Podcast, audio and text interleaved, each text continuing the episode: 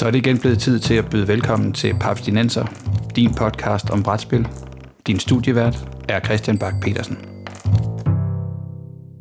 Velkommen til fjerde sæson af Papstinenser, en podcast om moderne bræt og kortspil, præsenteret i samarbejde med papsko.dk, hvor du kan finde nyheder, anmeldelser, artikler og anbefalinger, alt sammen om brætspil. Mit navn er Christian Bak petersen og med mig i Papstinenser Imperiet har jeg i dag Morten Greis. Hallo! Og Bo Jørgensen. Hver hilset. Vi har tidligere på året taklet et imperium på rumplaneten Dune, men i dag der skal vi øh, ned på jorden og tilbage i tid, og måske også lidt i lidt mere fantasiagtig version. Men vi skal nemlig spille, eller vi skal snakke Imperium, som findes både i en Classics og i en Legends version. Men inden vi går i gang, så skal jeg lige høre. Klassikere. Så hvilke brætspilsklassikere i din samling er din favorit? Og der er fri leg til, hvordan man øh, har lyst til at, at, at bestemme, hvad kla- et klassikerstempel, klassiker. kla- klassikerstempel indebærer. Alle Bo sidder og tænker, Morten sidder og kigger sig omkring. Ja, jeg sidder og beundrer min samling og tænker, hmm, hvad kan jeg til som klassiker der? Åh, oh, virkede en del, tænker jeg, er i hvert fald sådan under fænomenet eller betegnelsen modern classics og sådan nogle ting. Det er, der tror, tror jeg godt, jeg Skal jeg starte så? Så kan I, ja. så kan I, I kan overveje. Ja, spørger, du starter lige, så kan jeg lægge mig i slipstrømmen okay. af dit. Yes, jeg, jeg tror jeg bare, jeg går, øh, jeg går standard. Jeg skulle selvfølgelig sige, uh, sige talisman, men jeg tror, jeg siger, jeg siger nok El Grande. Fordi El Grande er på alle måder en moderne klassiker, når det kommer ud til, uh, til Eurogames og Area Control, og jeg vil stadig jeg, jeg vil stadig altid gerne spille Grande. Jeg tror måske, jeg faktisk har skruet mit, uh, mit uh, El Grande præference ned fra, at jeg egentlig hellere vil spille det med fire spillere, end med fem spillere. Så, uh, så lidt kan der ske. Men, men El Grande, kæmpe klassiker. Okay. Um, Morten. Ja. Morten. Betrayed House on the Hill. Jeg sidder lige og kigger på min first edition, og mindes, at der er jo lige udkommet en third edition, som jo også ser super sej ud. Og et eller andet sted er det, altså, et relativt, på en, den store skala, er relativt nyt spil, små 20 år gammelt, meget der er 15 år og sådan noget. Men det er jo noget af en klassiker inden for hjemsøgte huse, og den der sådan, øh, tilfældigt scenariegenerations ting, og, og så videre, så videre. Altså, der er jo ikke rigtig andre spil, der rigtig kommer op i nærheden af det koncept med et hjemsøgt hus. Altså, jeg synes ikke Manchester Madness, som også er et fint spil, gør det lige så godt. Så helt klart øh, Betrayal, fordi det, det er altså stadig noget særligt. Ja, fedt. Godt bud. Bo, han sidder og tænker videre. ja. Jeg tog han skulle jeg godt se på om det. Han er sgu lige til Jeg siger grønslinger. Oh. det trænger, det trænger, der er en klassiker, der trænger til et reprint. Der er en klassiker, der trænger til et reprint, men det er fordi, jeg synes, det er, det er jo et gammelt Avalon Hill-spil. Har vi snakket om det? Egentlig. Før, jeg tror, vi har refereret til det. Ah, øh, ja, fjollet slow motion. Har vi? Ja. Jeg tænker, at der mangler en Simon-udgave af det spil. Ja, noget med nogle figurer. Det kunne være godt. Men et, øh, et spil, som jeg har... Altså, det er fra... Morten, kigger på dig. Hvad er det fra?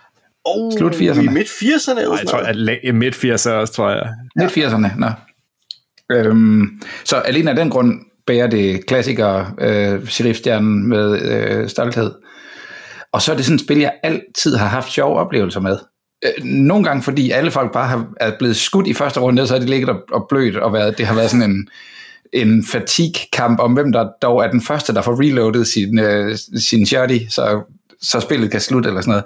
Men der har altid været historier, der har altid været grin og, og, og badassery, øh, når gunslinger har været på bordet. Det er fedt. Det er ikke en modern classic, skal jeg skynde mig at sige. Det er bare et gammelt spil.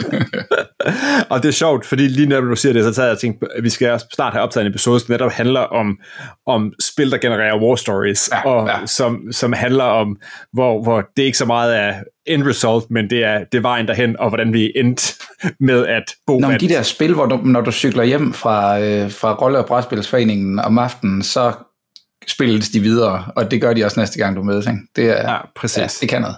Ja. Cool. Men i dag, der skal vi snakke Imperium. Et nyt spil udkommet i 2021, Yes, 21. tænker jeg. Yes, yes. Og Morten, du, øh, du flashede øh, designer David Tucci, da vi snakkede favoritdesigner for, øh, for nogle episoder siden. Yep. Og hvad er det for et spil, han har skabt her sammen med en designer, der hedder Nigel Buckle? Som jeg for må, må jeg lige få lov til at lave et shout-out. Nigel Buckle, det er ham, der bliver sendt i byen ind på Board Game Geek, når folk har spørgsmål til Imperium. Han er virkelig god og flink til at dukke op i tråde og forklare reglerne til det. Nice, så, okay. øh, så lige et, øh, et thumb up der til, til Nigel. Det er sejt. Det vi har her er en dækbilder, og på det ene plan er det en rendyrket dækbilder, ligesom Dominion er en rendyrket dækbilder, eller Ascension er det, og ikke et spil ligesom Dune Imperium eller Runes of Arca, uh, Those Runes, uh, som bruger dækbuilding som delmekanisme. Så, så det hele handler om at bygge sit dæk op osv., men der sker rigtig meget med de her kort, fordi de kommer fra adskillige forskellige stakke, og man bygger en oldtidscivilisation op ved hjælp af sin kort, og man følger oldtidscivilisationen gennem stadier fra at være et konglomerat af barbariske stammer, som slutter sig sammen, udvikler sig til et imperium, bygger provinser op, og så videre, så videre. Og det, det, det, det andet sted, jeg synes er rigtig spændende ved spillet, er, at du får nogle meget forskellige oplevelser med det samme sæt kort, fordi hver spiller øh, start, har et lille unikt startdæk, øh, som sætter den spiller i en bestemt retning, og så bygger man så sit imperium op. Det er sådan et, et spil uden for meget direkte interaktion, det er sådan primært mod slutspillet, man begynder at sparke hinanden lidt over skinnebenet og dele lidt strafpoint ud. Øh, men, men det handler meget om at, at sidde og bygge op, og det, det har ikke den der tableau-oplevelse, som når jeg spiller Terraforming Mars eller Race for the Galaxy, men der, men alligevel er der sådan en, en, for mig en meget fascinerende størrelse i den måde, at jeg ser provinser dukke op, hvordan der er oprør i provinserne, og jeg så øh, ser mit imperium trække sig sammen, men så ekspanderer vi igen og skriver historie og sætter ting på historiens møding, og man ser sit rige transformere sig. Og det er noget af det, jeg virkelig synes er, er fascinerende, den måde, man kan gennemgå en række faser på i det spil her, som også gør, at det startdæk, man starter med, når man spiller Imperium, ikke er det samme, som når man slutter spillet. Man når simpelthen øh, mere eller mindre at udskifte samtlige kort i sit dæk, og det er en helt usædvanlig oplevelse sammenlignet med de fleste andre dækbildningsspil, jeg har spillet med. Ja. ja, det er jo super fascinerende, ikke? at man har et, et, et spil, netop, som jo ja, og, og det er endda sjovt, det punkt, det jeg skulle sige, halvvejs igennem spillet, men det er jo ret forskelligt, ja. hvad, alt efter hvad for en civilisation du har fået, hvornår det er, at du skifter fra at være barbariske stammer til at være et, et, et reelt imperium, en civilisation, og så pludselig, det der så sker, det er jo så alle de der barbarkort, du havde til at starte med, jamen, de, de, de, de, de, de er ude i kulden. De trækker, de trækker en gal retning. Sådan, sådan, sådan, spiller, sådan spiller vi ikke mere. Nu det spiller vi ikke. Nej, nej, nej. vi er ikke barbarer. primitive handlinger med at plyndre naboerne og storme ud over sletterne og sådan noget. Det gør vi ikke mere. Jeg underlægger mig stadig en masse nabofolk, fordi altså, vi er jo stadig et imperium og skal stadig udbrede civilisation, men, men det kunne da ikke falde mig ind at have sådan nogle barbariske skikkelinger. Altså, det, det er vores fortid. Ja, ja og, vel, og, sådan, og jo helt nødt til, at det jo ikke kun handler om krig. Der er også det der med, at, at altså, jamen, altså, religionsniveauet stiger op, ikke? Du er ikke, du er ikke det der primitive religion, nu er vi jo, du er vi oppe på et nyt stadie, så, så øh, hende øh, klædt i bjørneskin uden en hule, som kan, som kan rode i indvoldene på et dyr for at se noget i fremtiden, hun er røget til højre, ikke? Ja. Det er jo en spændende størrelse, synes jeg, og det der med, at der er så kæmpe variation, ikke? Altså i Imperium Classic, ikke? der kommer der, der er der otte forskellige civilisationer, og de er jo meget forskellige. I har spillet det sammen, ikke? Jo. Jo. Kan I huske, hvem I, hvem I, I, I battlede mod hinanden? Altså, jeg havde Pers... Nej, nej, jeg havde Makedon... Øh, nej, øh, jeg var Karthago, og vi havde Romer med, som var mine store rivaler, og jeg er ret sikker på, at vi også havde persere. Ja. Og så kan jeg ikke huske, hvem den fjerde var. Jeg tror, jeg spillede perserne. Ja. Og som sagt, de spiller jo meget forskellige. Øh, De har, øh, der er forskellige antal kort i hvert dæk, øh, som deres, øh, deres øh, skift i civilisation. Ja, fordi skal vi, skal vi lige tage, hvordan er det, at, at fremdriften er, ikke? Altså, den har en klassisk dækbilder med, at du, du får kort, hver eneste rundt trækker du fem nye, nogle af dem bliver liggende dernede i sådan en tableau, sådan, altså, øh, hvor det er jo særligt øh, landområder, som får lov til at blive liggende. Mm. De landområder, de kan, de kan så tit også bruges til at trække nogle kort ud af dækket, men de ligger der med, ellers så trækker du fem kort hver rundt. Ja. Og nogle af de kort er jo netop provinser, du lægger ned, og så kan du sende, du har nogle negative kort, som hedder Unrest, dem kan du vælge at sætte ud i provinserne, så man kan midlertidigt komme af med kort i sit dæk, ved at sende dem ud i provinserne. Så har man så sit civilisationskort, der viser, hvilken special power man har som civilisation. Der er en variation A og B, hvor man også kan, så man lægger kort nedenunder for at markere det, man har sendt ud i sin forhistorie, så der er en måde at komme permanent af med kort på. Så har man i forskellige former for til øh, byer, og landsbyer og andre sådan kulturelle ting, man etablerer og gør fast i sine, øh, som også ligger nede som permanente kort. Og så har man det, det, det, der er virkelig overraskende mange kort, så man sidder og aktiverer kort, man sidder og spiller kort, man sidder og øh, samler kort op, og så, så man sidder, der ligger virkelig mange forskellige kort, som bliver aktiveret på forskellige måder, og man sidder og har nogle ret små nifty ikonbrækker, man sidder og lægger på for at holde styr på, at nu har jeg aktiveret det her kort, jeg har spillet den her provins ned, jeg har spillet det her kort her, så exhauster jeg, eller tapper jeg de kort her, jeg har også lige mine tabbemarkører, så jeg kan holde styr på, hvor mange af de her kort, jeg har aktiveret, og så er der det her sådan avancerede trade row midt ude på bordet, hvor der er jo en ni forskellige stakke, vi vælger, jeg tror det er ni eller sådan noget, man vælger kort fra, og så er ideen, at Ah, seks. 6, okay. Når hver gang jeg så er gennem mit dæk, så, øh, så får jeg mulighed for at få et af mine næste barbar-stadie-kort ind i mit dæk, fordi jeg har en særlig sta- øh, stak af barbar- øh, kort, Og når de kort er brugt op, så transformeres jeg til civilisation, og hver gang jeg så gennem mit dæk, så får jeg lov til at købe et civilisationskort, samtidig med, at der jo også, når jeg spiller mit særlige glory-kort, hvor jeg jo så drøner ud og haver en masse provinser, så får jeg lov til at købe et af de særlige fame-kort, og når det sidste fame-kort bliver købt, så slutter spillet, med mindre man har lukket for den store main-style hovedstak af kort, med mindre at, øh, at der har været en civilisatorisk kollaps ved, at alle unrest-kort er kommet i spil, fordi hvis alle unrest-kort er i spil, så kollapser alle civilisationer, som de også gjorde i 1300 før Kristi, øh, ja, nede omkring Middelhavet, der har vi den store civilisationskollaps, og den gen forsøger, så det sjove er et sted, at når man kan bare en smule oldtidshistorie, så kan man sidde og genkende civilisationer, og man kan genkende en masse forskellige sådan elementer, eller sådan små civilisatoriske eller historiske begivenheder, lagt ned i de her kort. Ja, for eksempel, altså, der, der, der er Alexander den Store, han dukker op, ikke? Ja. Han, er jo, han, var jo, han er jo ligesom chef, chef for, for makedonerne, ikke? Yep. Og øh, Caesar ligger og venter et sted, øh, som øh, er Aurelius dernede også et eller andet sted, ikke? Der er, sådan, mm. der, der er jo helt sikkert noget historiens vingeslag dernede i, som, som jeg tænker, at øh, en historiefejnsvækker, som der ikke sætte særlig pris på. Det er en, en ren fornøjelse at se, hvordan de her forsøger at simulere forskellige sær, øh, særlige historiske begivenheder og kulturelle særkender, fordi kineserne eller Qin øh, er også helt specielt med sit religiøse styre, og, og, og det kan jeg også se med perserne, som har underlægget sig en frygtelig masse provinser og sådan nogle ting. Der, der er, nu, ja, der er jo to grundsæt til spillet, og med otte civilisationer i hver, og de er jo fuldt kompatible. Teknisk set kunne det være udgivet som en æske, men har af praktiske årsager bare valgt at splitte op i to. Og så kommer der jo til næste år en ny med 14 nye civilisationer. Og gør der det? Ja. Okay, det var faktisk et af mine andre spørgsmål. Ja, Imperium Horizons, ja. Ah, okay. Ja, fordi standardsættet, der, der kører den jo øh, de, de rene historiske, ikke? Ja. Sådan klassisk historisk. Mens, mens at i, i, i Legends, så pludselig så kan man også spille folk fra Atlantis. Ja, altså der er, der er tre fiktive der. Uh, Atlantider, uh, Kong Arthurs hof, og så det, de kalder utopierne, som er... Ja. Er det kontroversielt, at du kalder dem fiktive, morgen? Nej, altså de, de er fiktive den forstand, at det ikke er decideret historiske kulturer, men det er kulturer, som har eksisteret i folks forestillinger i den forstand, at, at Platon jo skriver jo øh, i sine værker om det her sådan, øh, samfund af Atlantis, der synker i havet osv., så, så det er jo en fiktion i, i øh, i det oldgræske samfund, at det her findes. Øhm, men, men det er jo sandt nok, at man har forestillinger om, at det har fundet. Tilsvarende, så har vi jo også kong Arthur og hans øh, ridder af det runde bord, etc., som forestillingerne om kong Arthur har jo øh, eksisteret og eksisteret sådan set stadigvæk den dag i dag.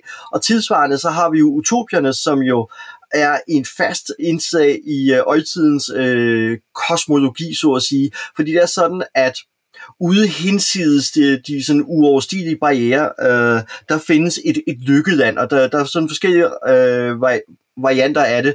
Det er sådan, at øh, man har der, hvor man selv er, det vil sige typisk hvis man er græker, jamen så der, hvor Athen ligger og Hellas er, det er ligesom det civilisatoriske højdepunkt ideelt set. Ægypterne er lidt højere civiliseret for grækerne selv, men i hvert fald hos Herodot. Øh, og jo længere væk man kommer derfra, desto mere barbarisk og vild bliver verden.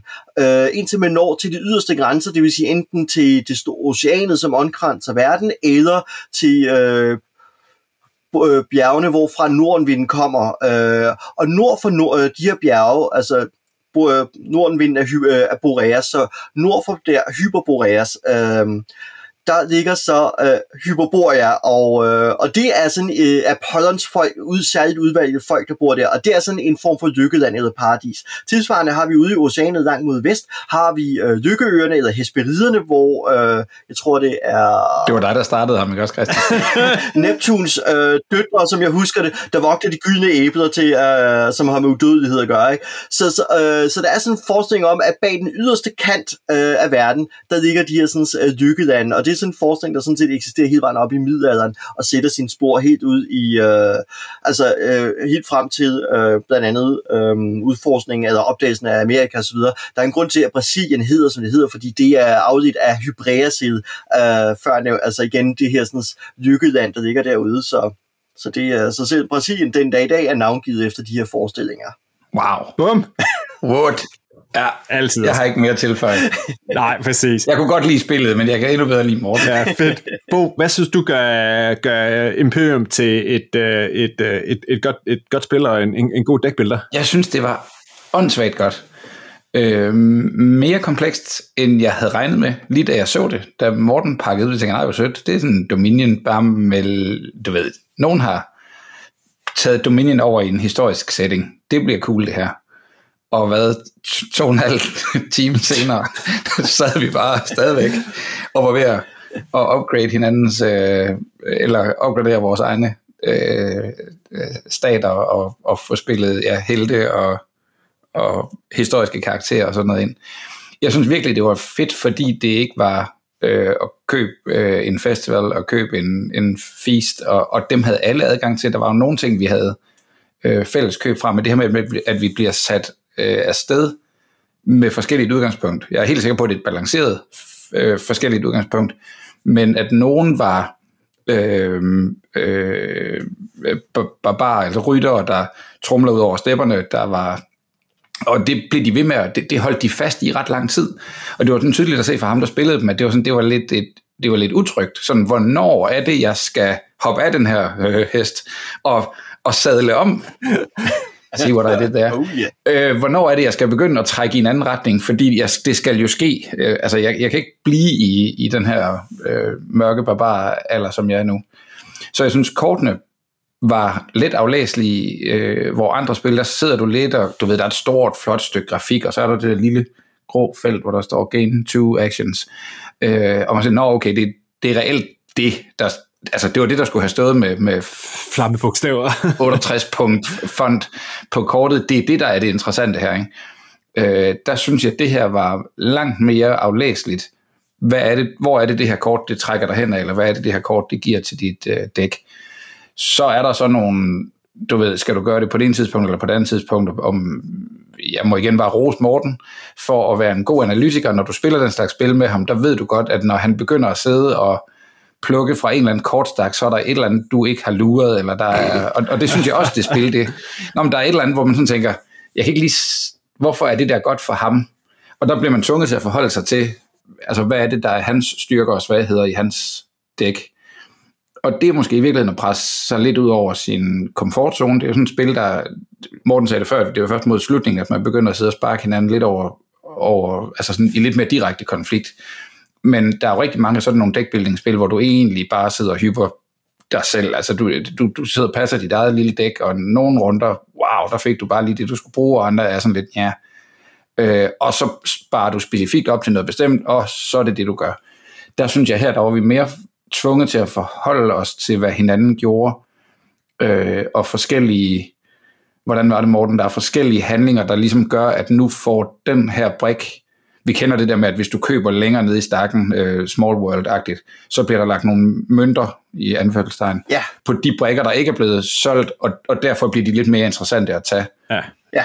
Der er nemlig det der med, at kort, der overvintrer fra en runde, øh, akkumulerer victory points. Ja. Eller hvis man er chin, så kommer der folk. Eller hvis man er kartaginenser, så kommer der byggesten på dem i stedet for. Ja. Så de akkumulerer ressourcer, øh, men så sidder man jo også nogle gange og holder øje med, så må jeg hellere sende de her kort i eksil, for at øh, sikre mig, at andre spillere ikke får adgang til den her pulje af point, der lige pludselig akkumulerer sig på visse kort. Så, så der er sådan ret mange ting at holde øje med. Ja, og så samtidig så er man jo stadigvæk også altså begrænset. Du, du har fem kort, men du har også kun tre generelt, mindre du får nogle kort, der lige giver dig en ekstra action, som gratis, så har du generelt kun tre ting, du må på hver runde. Ja. Så det er også, altså, du er på en eller anden måde også begrænset, ikke? Du, ikke, du sidder ikke og skal overskue det hele, vel? Du har fem kort, hvordan får jeg dem til at spille sammen med de kort, jeg eventuelt allerede har liggende nede, i forhold til at købe de ting, der ligger derude, hvad har jeg brug for, ressourcer, det ene og det andet, men, men det er stadigvæk sådan, inden for, det, det giver en eller anden sådan sund afgrænsning på, på, på dine muligheder. Ja, altså det, øh, det er nemt der, hvor øh, en væsentlig forskel i forhold til Domini er, det er ikke de der kædereaktioner, hvor man trækker, og så spiller man kort og trækker yderligere nogle kort og så videre. Altså helt den der med, at så får man lige lov til at spille 10-20 kort, som man kan gøre i Dominion. Det sker ikke i det spil her. Altså det er mere det, at man har sådan at sige, hvordan dalen får jeg spillet de her to kort ned øh, og få en maksimal effekt af det. Men det kan jeg jo så gøre, hvis jeg nu bruger min pyramide herover. Det tillader mig jo så at aktivere den her effekt her, og så har jeg de her handelsfolk her, som faktisk gør, at hvis jeg tager en handelsfase ved at spille de her provinser ned først, så kan de her omsætte mine vandressourcer til frygtelig mange byggesten, så kan jeg faktisk få pyramiderne spil lige der og sådan nogle ting. Altså der, der er nogle ret sjove måder, at man sidder og optimerer, så det er meget sådan, synes jeg, en, en optimering af min træk frem for kædereaktioner, som, som jeg får i Dominion. Ja. Og jeg måtte jo skrive til dig, Morten, efter da jeg havde spillet det første gang, og sige, kan, kan det virkelig passe, at der ender så mange victory points på de der kort, der ligger ude på, på det åbne marked? Og så, som du siger, så kan man jo, er der en del kort, som gør, at man må, man må, man må trashe et kort, som ligger op på, på det, og så, så ryger de selvfølgelig ud. Men, men det var jo ikke, altså, der kunne jo hurtigt ligge både, både øh, 5, 6 og 7 victory points på nogle af de her kort, som ikke var så interessante, men, men det blev det jo så. Altså, så var man næsten villig til at klokke sit dæk for, øh, for, for bare for de syv victory points. Yep.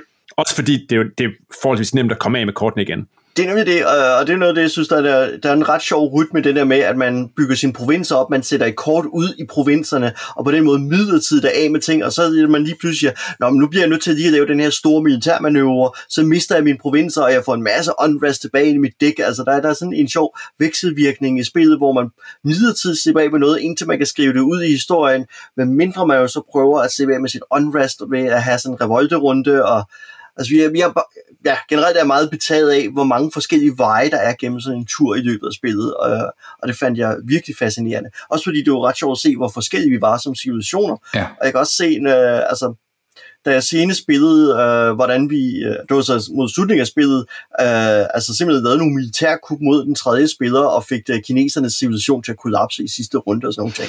Meget ønskesfuldt, men det var også sjovt. Men det er ikke, det er ikke et, øh, et, et hurtigt enkeltspil. Nej, det kan man ikke sige. Nej. Det kan man ikke sige. Og jeg vil sige, I siger det der med, at der er mange muligheder. Jeg sad lidt første gang, jeg spillede det, og havde lidt sådan en oplevelse af, at fordi jeg havde, fordi jeg havde den mængde af jeg havde de her, jeg havde de her startdæk, så hævde jeg nogle nye kort ind undervejs, men at jeg, jeg, jeg måske bare ikke sikker på, at jeg følte, at jeg havde helt så mange valg. Altså, jeg, havde, jeg har de her kort, fem kort, jeg har tre actions, hvordan, hvordan får jeg det til at spille sammen? Og så mm. udvikler man selvfølgelig sit dæk og får nogle kombinationer ind og siger, åh ja, når, hvis de her to lander sammen, så er det ekstra fedt. Men jeg synes ikke, at jeg, havde, jeg sad med sådan store... Det var sjældent, at jeg tænkte, åh, bare jeg havde haft en action mere. Fordi mm. de kort, jeg havde, de kunne som oftest, hvad så at sige, jeg har de her kort, dem spiller jeg på den måde, hvis jeg ikke skal bruge de her to, så bruger jeg dem til at fyre en unrest tilbage, fordi det er en måde at slippe af med unrest. Okay, det, det er sjovt, øh, fordi at, altså de par gange, jeg har spillet, der har vi næsten aldrig haft en action i overskud til at dumpe unrest med, for eksempel. Nej, okay. Det, der har vi videre siddet og tænkt, okay, hvis jeg gør det her, så kan jeg lige knemme en ressource ud her, eller skal jeg gøre det her i stedet for, altså så, men det, det kommer måske også an på, hvilke civilisationer vi har spillet med, fordi jeg kan se, at forskellen er virkelig, altså, virkelig markante fra, fra civilisation til civilisation. Ja, det må man sige. Og der kan man sige, der kan man måske hoppe til, til regelbogen, som jeg ved ikke, jeg synes måske ikke, den er et, et, et moderne mesterværk ud i regler. Nej. Og den, den, den lider jo under, at de har skrevet en regelbog til uh, Imperium Classic og Imperium Legends. Det er den samme regelbog. Det betyder, at du får også forklaret de otte civilisationer fra det andet spil i din regelbog. Og de her regler, igen, vi har at gøre med 8, nej, vi har, nu har vi at gøre med 16 meget forskellige øh, situationer. Mange af dem, de har nogle særregler. Altså for eksempel, så starter Atlantis, det starter med at være en civilisation, i modsætning til alle de andre. Øh, de har også nogle kort, de kan, kan, de, de kan synke. Der, det er sådan en særlig, en særlig øh, øh, evne eller event, der kun er koblet til Atlantis. Men den er jo så også forklaret i regelbogen, og regelbogen i starten, den har hele tiden nogle arbejderbejsen. Det her, det sker, ja, med mindre du er den her situation, og den her, de her type tokens, de findes kun, hvis du spiller de her fire civilisationer, og det er alle sådan nogle avancerede nogen, og, og Kong Arthur, de skal ud og finde, de skal ud og finde gralen. Det er lige meget med alt det der, som vi ellers, de andre vinder på. Og så sådan, det, jeg synes virkelig, det havde klædt den, hvis de havde lavet, her er reglerne for alle, og så et afsnit til hver af dem, og så kunne man ligesom læse, så måtte det godt være nogle gentagelser af nogle ting, men sådan at sige, okay, Kong Arthur, spiller du sådan her?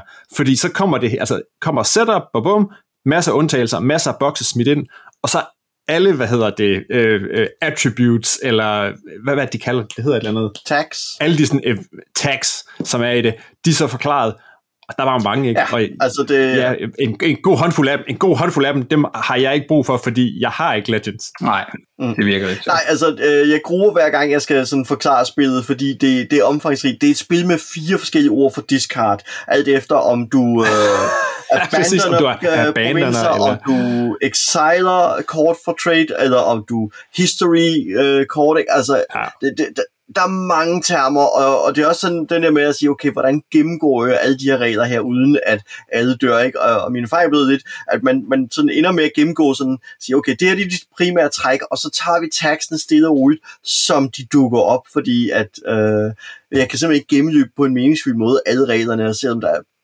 det, ja, det, det, det er sådan en, en tung en at introducere, og det er også en anelse fiddly her og der, altså, jeg får ud af, at det er meget, meget praktisk, hvis en af spillerne ligesom er den, der ligesom er tovholder i runden og siger, nu er det det her stadie her, nu er det det her stadie, nu er det det her stadie. Uh, men så kan man også få spillet op og køre ret hurtigt, men, men der skal ligesom være en, en, uh, en master of ceremonies på spillet næsten. Ja.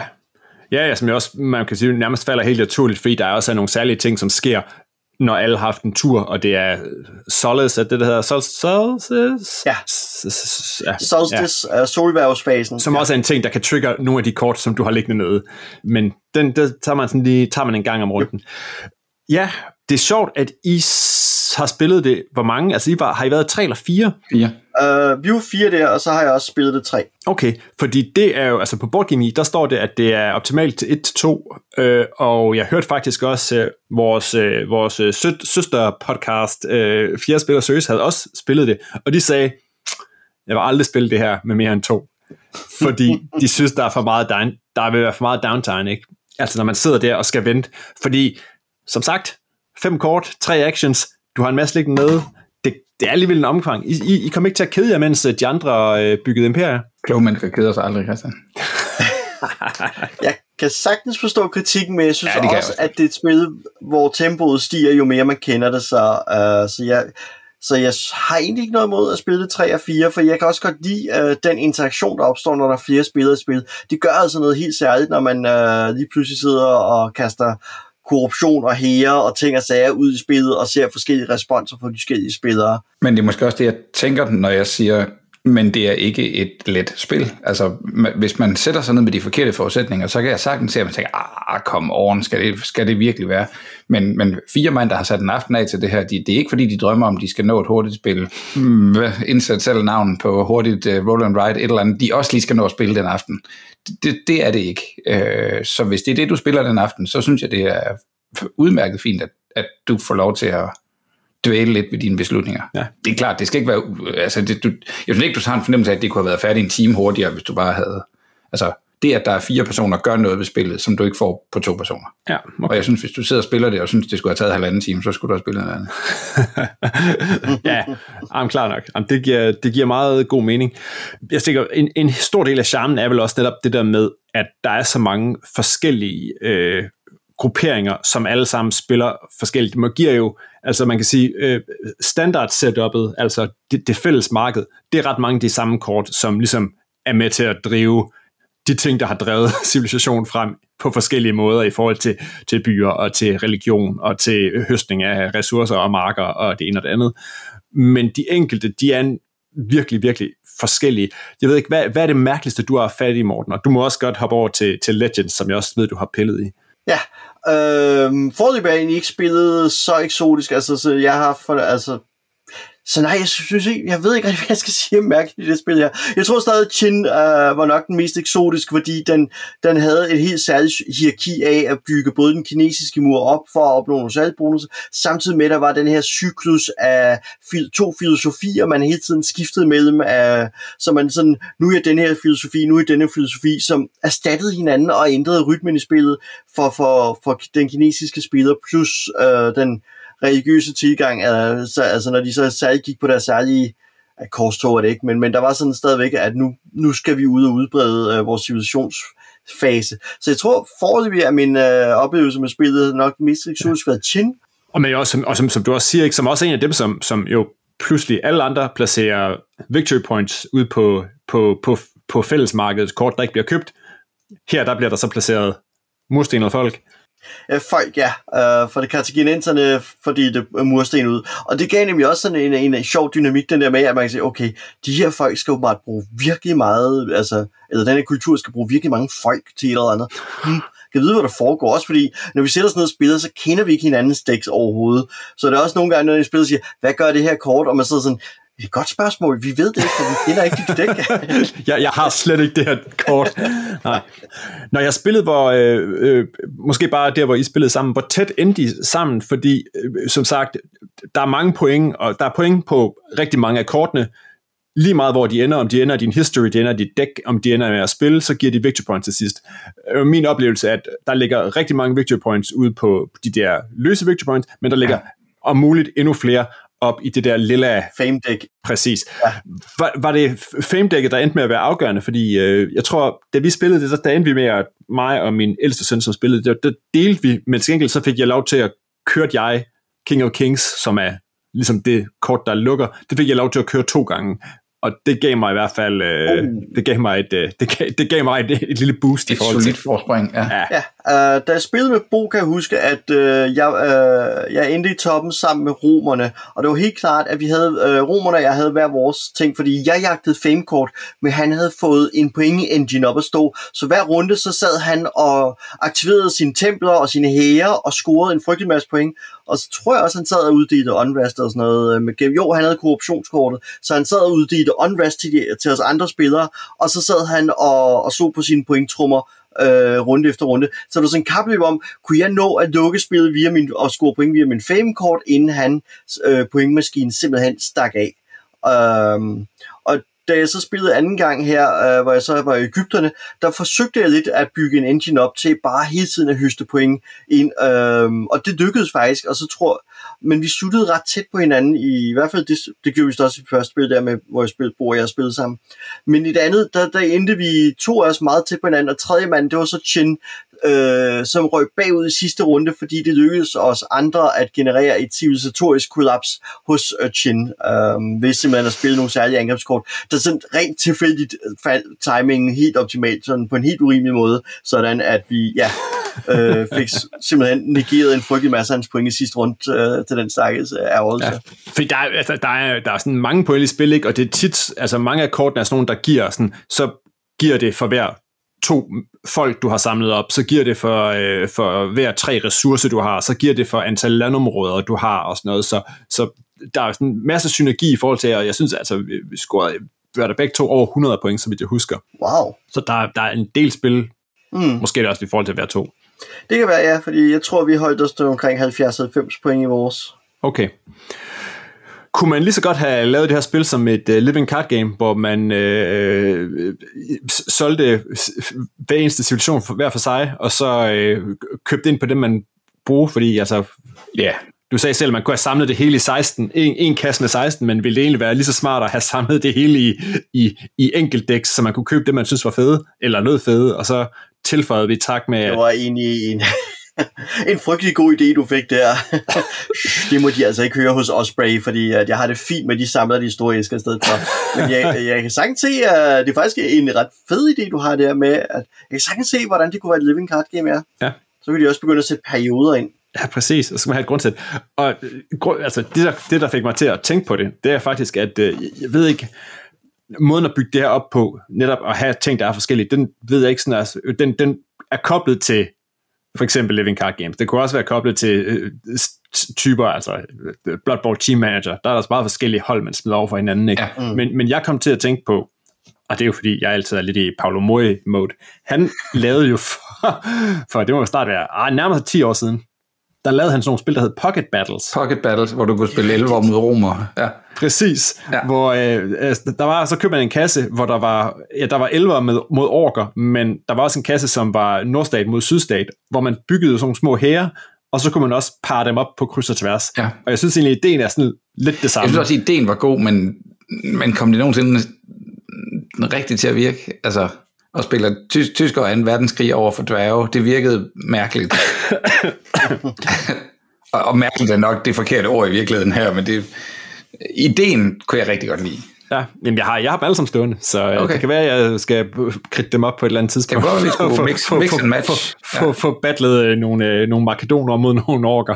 Men det var sådan relativt simpelt, men du havde nogen, der var ranged, og nogen, der ikke var det. Så havde du tre kolonne, øh, eller ja, sådan tre, tre grupperinger, du kunne have folk stående i, og så... Oh. Jo, jo, men den havde, altså, der var ret mange tropper i hver, og så kunne man så vælge Okay. igen i klassisk Warhammer, sige, vi bygger herre på 50 point, eller vi bygger herre Ja. på 30 point, og så battlede man op over for hinanden, og så alt efter, hvad de har købt, altså, Ja. er, det, er, er orkernes katapulter gode, eller meget skidt, når der kommer en elefant væltende, eller, ja. Ja, ja, ja. eller der er øh, nordstaterne farer under deres, øh, deres Gatling gun. Hvordan går det så over for elvernes tro- troldmænd? Ej, jeg ved ikke. Jeg ved ikke, jeg har spillet det nogle gange. Jeg ved ikke. Men har du prøvet det, hvor det er sådan nogle odd møder? Jeg tror faktisk, det er længe siden, jeg har spillet det. Jeg tror faktisk egentlig, vi bare vi plejer at spille i, i standard æsker. Ja, præcis. At så er det Nu. 11 mod dværge, og, og Ja. det kender man ligesom. Ja. Det skal prøves nu. Tema, tema betyder noget. Ja. Der, så har spillet jo en solo-version, som faktisk skulle være rigtig god. Det tænker jeg ikke, der er nogen af os, der har prøvet. Nej. Nej. Jeg, jeg har spillet det øh, solo en enkelt gang, uh, som romerne. For, det var blandt andet også for at lære spillet at kende. Um, Ja. Og ja, det synes jeg egentlig var ret hyggeligt. Altså, jeg brugte, jeg sad en god eftermiddag og byggede mit romerske imperium op, og havde en robotspil i form af, af nogle perser, der sad og var vældig irriterende med alle deres provinser, og alle de folk, de underlagde sig. Øh, og det var virkelig det, jeg allerførst fik smag for spillet, for det var sjovt at observere, hvordan de gik i forskellige retninger. Så, så en, en meget avanceret, meget hyggelig kabale, vil jeg sige. Øh, så jeg har ikke da, den store erfaring, altså i modsætning til Peter og så videre, har jeg ikke den så store erfaring med solitærspil, så jeg har ikke så mange ting at sammenligne den op imod, men jeg var, jeg vil sige, jeg var godt underholdt, og kunne sagtens se, hvordan det egentlig fungerede fint som et solitærspil. Ja. Og det gav dig også en god fornemmelse af, af hvordan øh, multispillerspillet er. Ja, ja lige præcis. Fordi man sidder jo og gør ret bare det samme. Ja. Ved du hvad, vi må sætte Peter i gang med det, og så må vi se, hvordan han øh, kører, kører øh, hvad hedder det, nogle, nogle At- Atlantider solo. Ja, sgu. Skal vi sige, altså i forhold til andre civilisationsbuilding, har I, har I oplevet noget, der, der, der matcher det her sådan, i forhold til, til, til Civ-spil? Jeg ved jo godt, kan lide Civilization. Eller er det, er, det her, er det her moderne take bare, det her moderne take på det, ved at gøre det til en deckbuilder på den her måde, er det bare, er det bare en unik størrelse, de har fundet her? Altså, det, jeg kan godt se nogle sammenligninger til sådan noget som Imperial Settlers for eksempel, som også har noget civilisatorisk over sig. Men, øh, og også hvor jeg også har en progression i min kort fra, at jeg har min generiske civilisation, som jeg så kort, som jeg så opgraderer til min unikke civilisationskort i Imperial Settlers. Der er sådan nogle stadier, man løber igennem, og hver spiller er i en unik kultur. Så, så jeg kan sagtens se nogle paralleller, men jeg syntes, at... Øh, at variationen var større og stærkere og mere interessant i Imperium end i Imperial Settlers, selvom Imperial Settlers også er ret fint spil. Så, så tror jeg nok bare, at Imperium lige lander et, et nyk højere i, på kompleksitetsstigen, som jeg synes er interessant i forhold til. Så, så der er ikke mange, jeg kan drage parallelt til, men, men der er der lidt. Øhm, Ja. Jeg tænker også, altså, men, det, men det er det der med, sådan, at den der fremdrift, der er i, i spillet, det der med, hvordan det udvikler sig, der tænker jeg også, altså, da jeg sad med det, tænkte jeg sådan, sådan, "Jamen, det er også lidt ligesom sådan i Small World. Jamen, så mm. går der generation på generation, og så sker der noget i takt med, altså, så laver man så lidt, lidt større hobby i Small World og sådan noget, ikke? men, men, ja. Men, men altså, det, det, er jo, det er jo velfungerende i det her virkelig. Mm. Altså. Og igen, det der med, at, at en, en, en historiebob som dig også kan sidde og, og, og have fornøjelse af det, der sker i de, i de enkelte ting, det er ja. Jo bare en, det synes jeg er en kæmpe bonus. Ja. Skal vi lige rundt til sidst? Hvad synes I om det artworket? Det er jo også, altså det er jo sådan et, det er jo sådan et, øh, Det er en stil. det er en stil, det er sådan lidt ja. øh, tegneserieagtigt. Jeg får sådan lidt, lidt øh, øh, øh, fransk øh, 80'er og 90'er tegnes, tegne, tegne, tegneserie-vibe over det. Altså, jeg er rigtig glad for den. Altså, det, det er netop fordi, den ikke er for kunstfærdig. Den er lidt rå og lidt ru, og den er lidt tegneserieagtig. Øh, for mig giver det bare, at der ligger en masse historier i billederne. Øh, så, så jeg hygger mig med at sidde og kigge på billederne. De er ikke de, er ikke de der store kunstværker, men de har ikke den der generiske kedelighed, som Dominion eller Ascension og, eller mange af de andre dækbilleder, der har. Ja. Et eller andet sted så, øh, er jeg rigtig glad for, at man har sat sig ned og givet en kunstner jeg håber, han har fået en masse penge for det, fordi han har godt nok indleveret mange stykker ret, øh, ret mange forskellige kort, så, og jeg, jeg nyder at kigge på dem, fordi de har den der sådan, karakter, øh, karakteris, ja, nogle særlige karakteristika. Ja, fedt. Enig. Det lyder som, at I skal, I skal, spille, I skal spille mere Imperium. Der er flere civilisationer, der skal bygges op og, og udforskes, hvordan de spiller. Uh, yes. Okay. Jeg er enig. Ja. Jeg tror måske, at øh, det er ikke. Min, min fornøjelse af, da vi havde spillet det, og det var sjovt at sidde, jeg, som sagt, min ældste søn, han er 16, de, det er jeg ret sikker på, det er det længste spil, vi sådan har siddet og spillet sammen, fordi lige pludselig kiggede det op, og så havde vi spillet to og en halv time, fordi vi også lige skulle lære reglerne og sådan noget, ikke? og jeg synes, flowet var rigtig fint og sådan noget, men jeg har sådan et, hvis jeg skal bruge to og en halv timer på et spil, et to spil så, så er der så meget andet, du godt kan... Så tror jeg faktisk, der er nogle ting, jeg heller, så, så synes jeg måske ikke lige, at Nej. så er det måske bare ikke spillet for mig. Men jeg kan, jeg kan sagtens følge, jeg kan sagtens forstå, hvorfor I synes, det er fedt. Og, og, og igen, ideen af er, er super fed, og jeg synes også faktisk, at, at flowet i spillet er, er, er rigtig godt.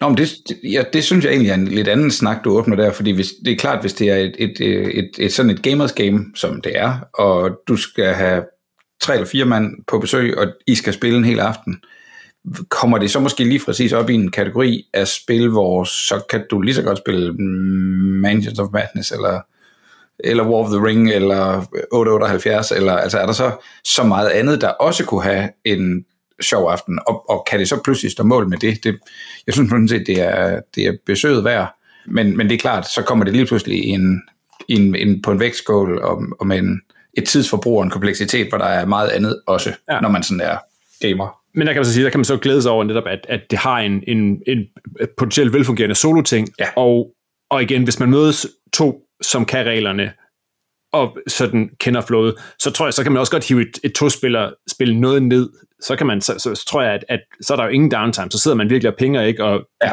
ja.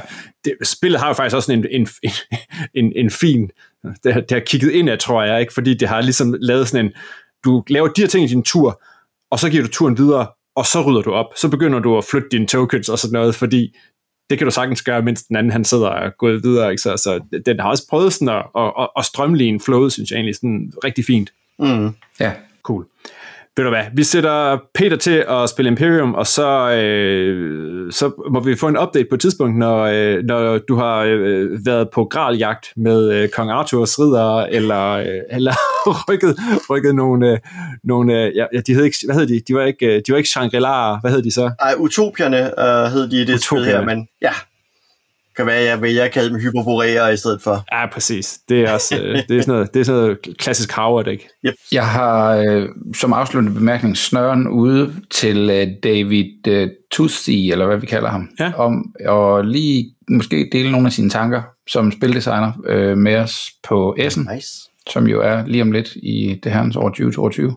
Fedt. Så øh, det går jeg krydser fingre for, at han har tid og lyst til. Altid også. Ja. Fedt. Med det så er vi nået til enden af den her episode af Papsnenser. Find links til tidligere episoder på papsenser.dk eller på papskov.dk-podcast. Husk, at du kan støtte papsenser på tier.dk, så kan du også få med i løntrækning næste gang, vi trækker lod om krus, og næste gang, vi finder en lytter, der kan vælge indholdet af en bonusepisode. Hver en krone fra tier bliver brugt til hosting, bedre optageudstyr og promotion af brætspil som hobby. Du kan finde Papsnenser på Apple Podcast, på Spotify, på Podimo, eller hvor du ellers sender din podcast, og så er vi på YouTube. Med mig i studiet i dag var Bo Jørgensen og Morten Greis. Papsnenser er produceret af Bo Jørgensen, Christian Beckmann og Mike Ditlevsen. Mit navn er Christian Bak petersen og på vegne af hele Papsnenser, så kan jeg kun sige jagta ist Estalia og er sted over alberne med de elefanter.